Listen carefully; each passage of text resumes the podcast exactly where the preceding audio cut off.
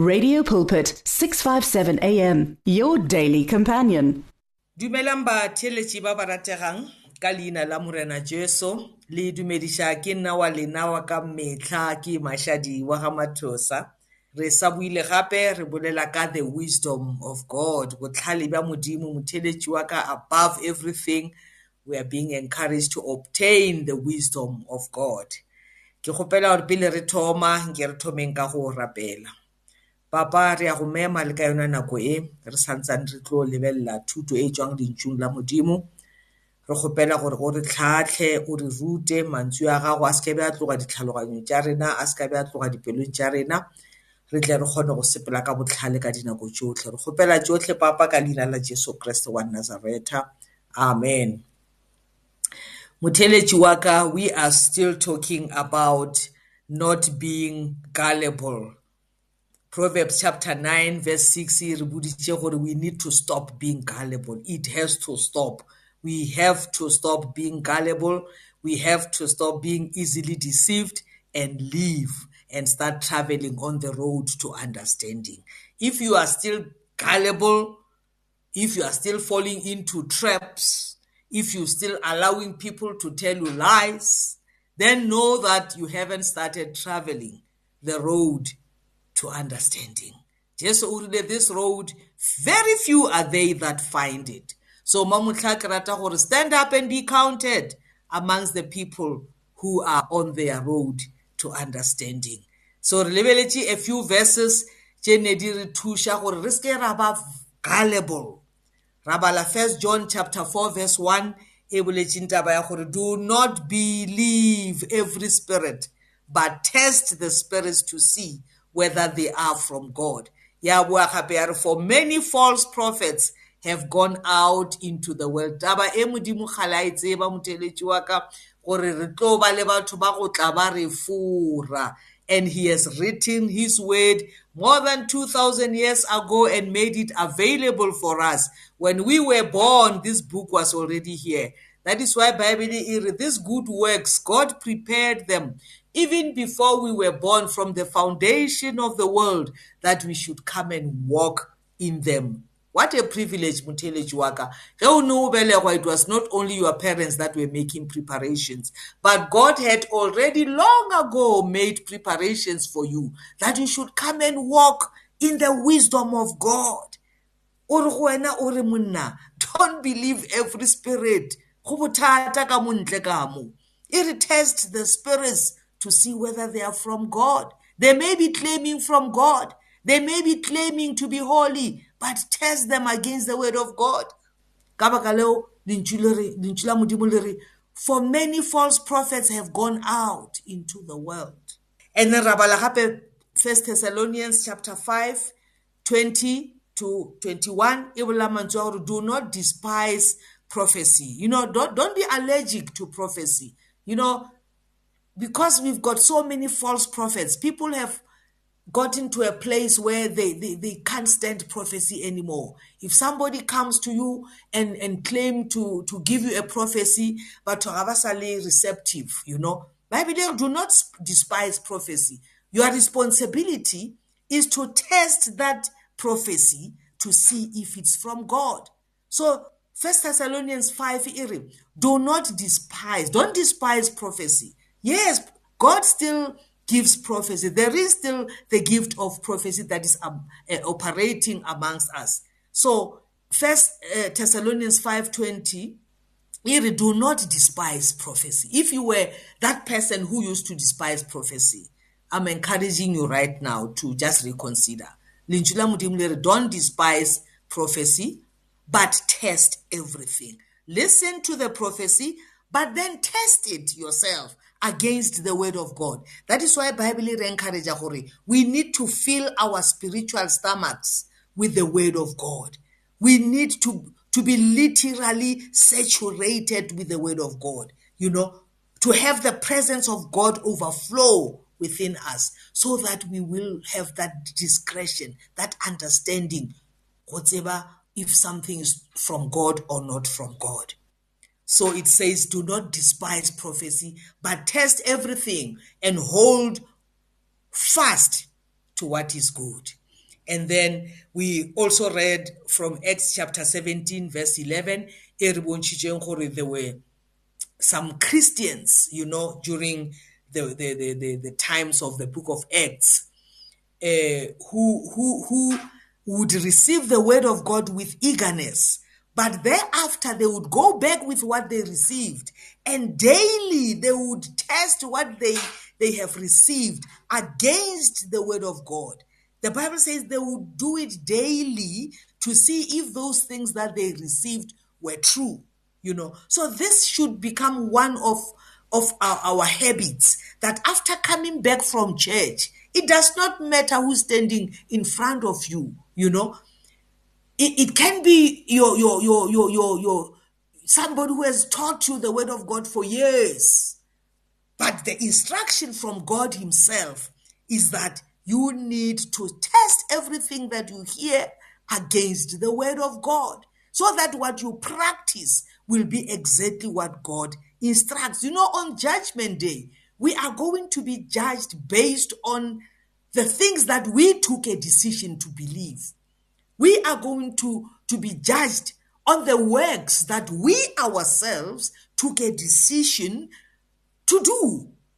I mean, the people who have deceived you will face their own judgment but you are still responsible for your own life. You are still uh, given responsibility over the things that you believe. You are still given responsibility over things that you practice as a Christian.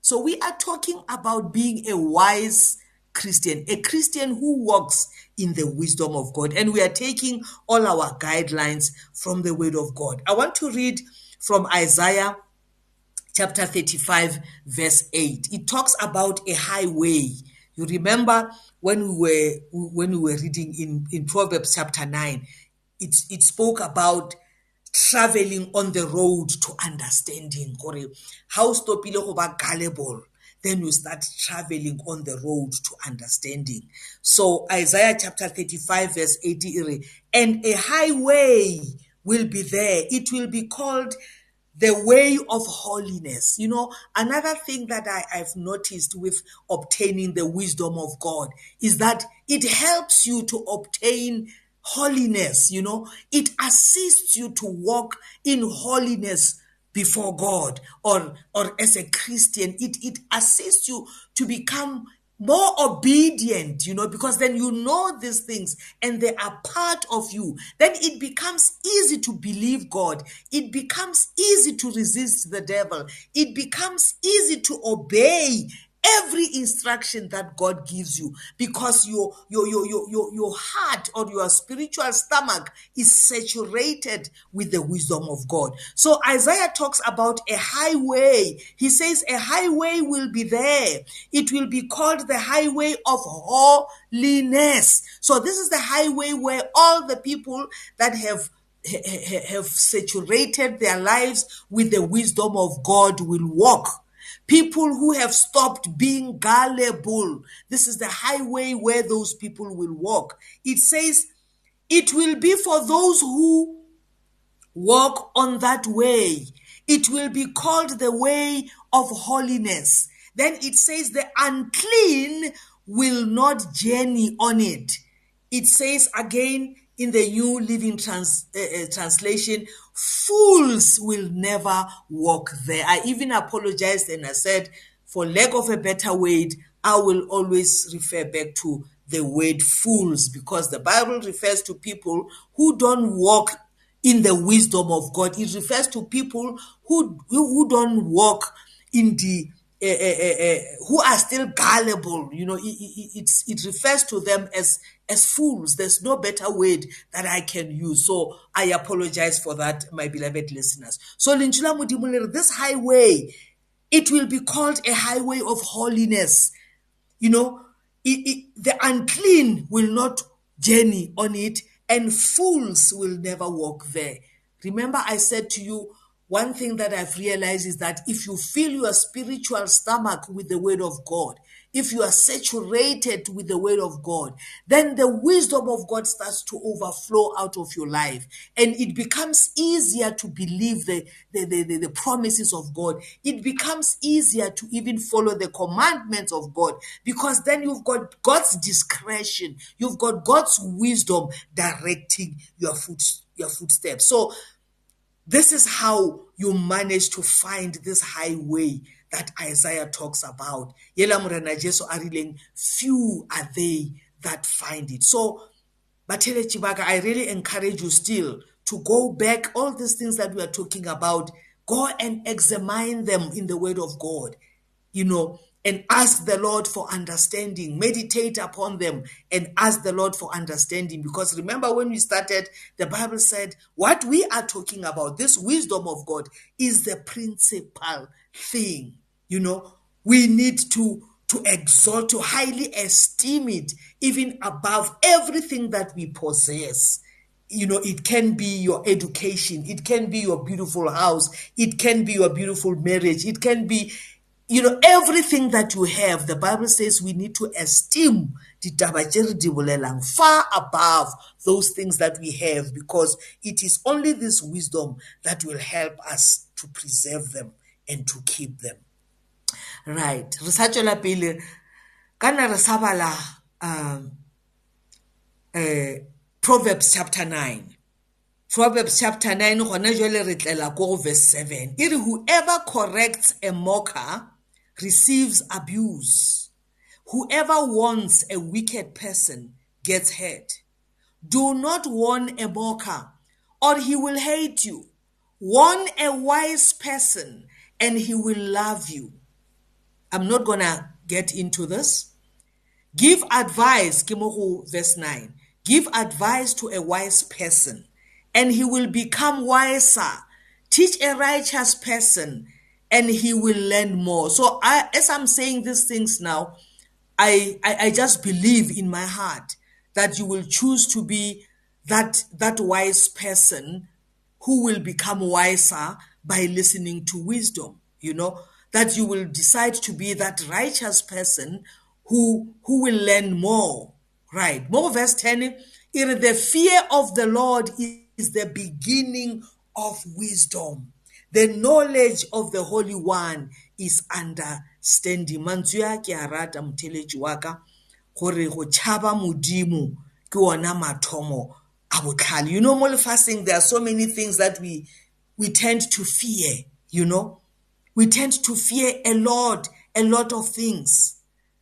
So lentswe la modimo bo motlhale re encourage re tloshe matlho a rena from the things that we fear mo lefatsheng and start to fear God, you know.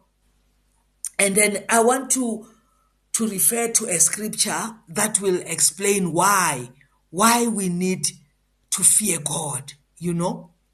Um a scripture eh I just want to read it quickly. I'm trying to find it now. Eh e re bontshang gore we need to fear God. Yeah, give Matthew chapter 10 verse 28. Bible e re rather be afraid of the one who can destroy both soul and body in hell. You know, much as we are talking about God as a father, much as we are talking about God as a loving savior who goes around calling out for people to come eat at his table. But God is a judge. God is a lawgiver. He is able to destroy the soul. He is able to destroy the body in hell. So Romans chapter 10 verse 28 if you are capable of fear, rather fear the one who can destroy both the body and the soul in hell. At the end of the day, that is what God is going to do. He is going to destroy souls and bodies of sinners in hell. So lentswe la modimo verse re fetsang go e bala e boletse mantswe ya gore you know mathomo a botlhale ke go tšhaba modimo so that fear ye o nang le yona motheletši wa ka e tlose go tšhabeng satane o tšhabe modimo. Gobane modimo is a judge. Modimo is a lawgiver. He's got the ability to destroy both the body and the soul in hell. We are talking about wisdom. O sekebe wa tšhaba selo sa mo lefaseng. O tšhabe fela modimo. We are still talking about wisdom as laid out in proverbs chapter 9 lentšu la modimo mo go verse 10 le re the fear of the lord. Go tšhaba modimo is the beginning of wisdom. Go tšhaba yena ola who's able to destroy the body who's able to destroy the soul in hell is the beginning of wisdom. So mo motlha motheletši wa ka even as i conclude with all thy might seek this wisdom because if you fear the lord you are going to live and lentswe la modimo le re you will be on the road to understanding re sa tlo tswela pele motheletši wa ka nna le lena re tlhakaneng gape bekeng e tlang a modimo wa kgotso a le tlhogonolofatše The words of the Lord are words of life. Your heart is on 657 AM. 657 AM. Radio for believers in action.